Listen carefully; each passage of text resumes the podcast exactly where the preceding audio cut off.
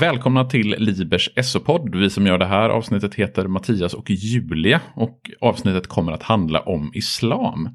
Eh, vad är islam för någonting? Eh, islam räknas som en av världsreligionerna och har ungefär en och en halv miljarder anhängare. Och anhängare finns främst i Asien men är spridda över hela världen. Centralt är tanken på att det bara finns en gud. Och eh, precis som kristendom och judendom så räknas islam som en av de abramitiska religionerna. Inom religionen så är handlingen viktigare än tro. Hur uppkom då islam som religion? Islam eh, räknas uppkomma år 632 efter Kristus och det här är året när religionens grundare Muhammed dog. Eh, Mohammed föddes ungefär år 570 i staden Mekka och den ligger i det nuvarande Saudiarabien. Eh, på den här tiden var Mekka en stad där invånare trodde att det fanns flera olika gudar. Mohammed funderade mycket på livets stora frågor och han valde att leva ensam i perioder i en grotta vid ett berg ute i öken. Och en natt så kom ängeln Gabriel till honom och berättade att Gud hade utsett honom till sin profet. Vad är en profet för någonting? Ja, en profet är en person som har eh, kontakt med Gud och berättar om Guds vilja för andra människor. Hur man ska tro, hur man ska leva och kanske vad som händer när man dör. Och i islam så finns det flera profeter och Muhammed är den viktigaste. Men han är också den som räknas som den sista profeten. Så vad hände efter att ängeln Gabriel hade talat med profeten Muhammed? Mohammed började sprida de här orden han hade fått berättade för sig och det här var inte så populärt utan ledde till konflikter i Mekka och Mohammed tvingades fly till grannstaden Medina. I Medina så samlade Mohammed ihop en här och återvände till Mekka och tog makten, där han senare dog år 632. Finns det någon helig skrift inom islam?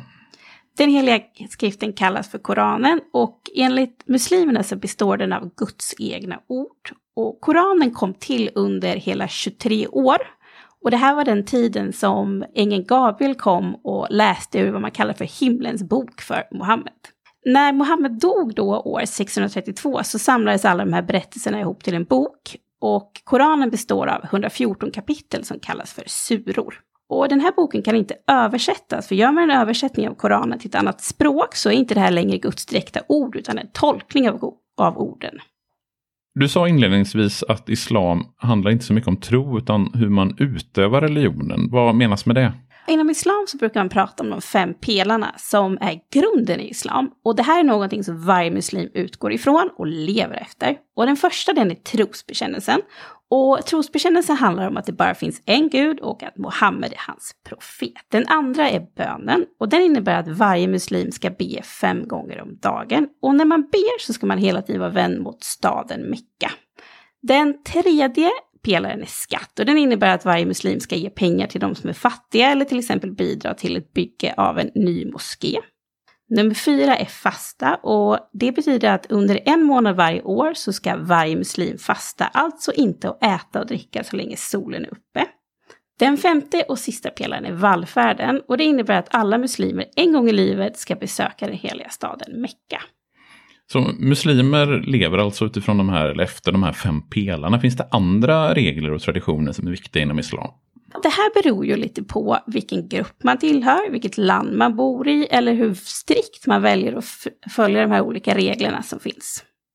De flesta tycker att det är viktigt att följa Koranens regler om hur man ska klä sig, vad man ska äta, vad man ska dricka och hur man ska uppföra sig. Och hur strängt man följer de här reglerna beror alltså på en själv, ens familj eller vilket land man växer upp i.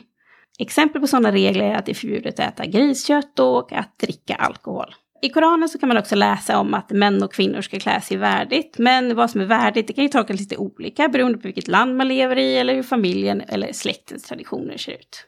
Om vi då ska sammanfatta islam så är islam en av världsreligionerna och också en av de abrahamitiska religionerna. Islam startade på 600-talet efter Kristus med profeten Muhammed.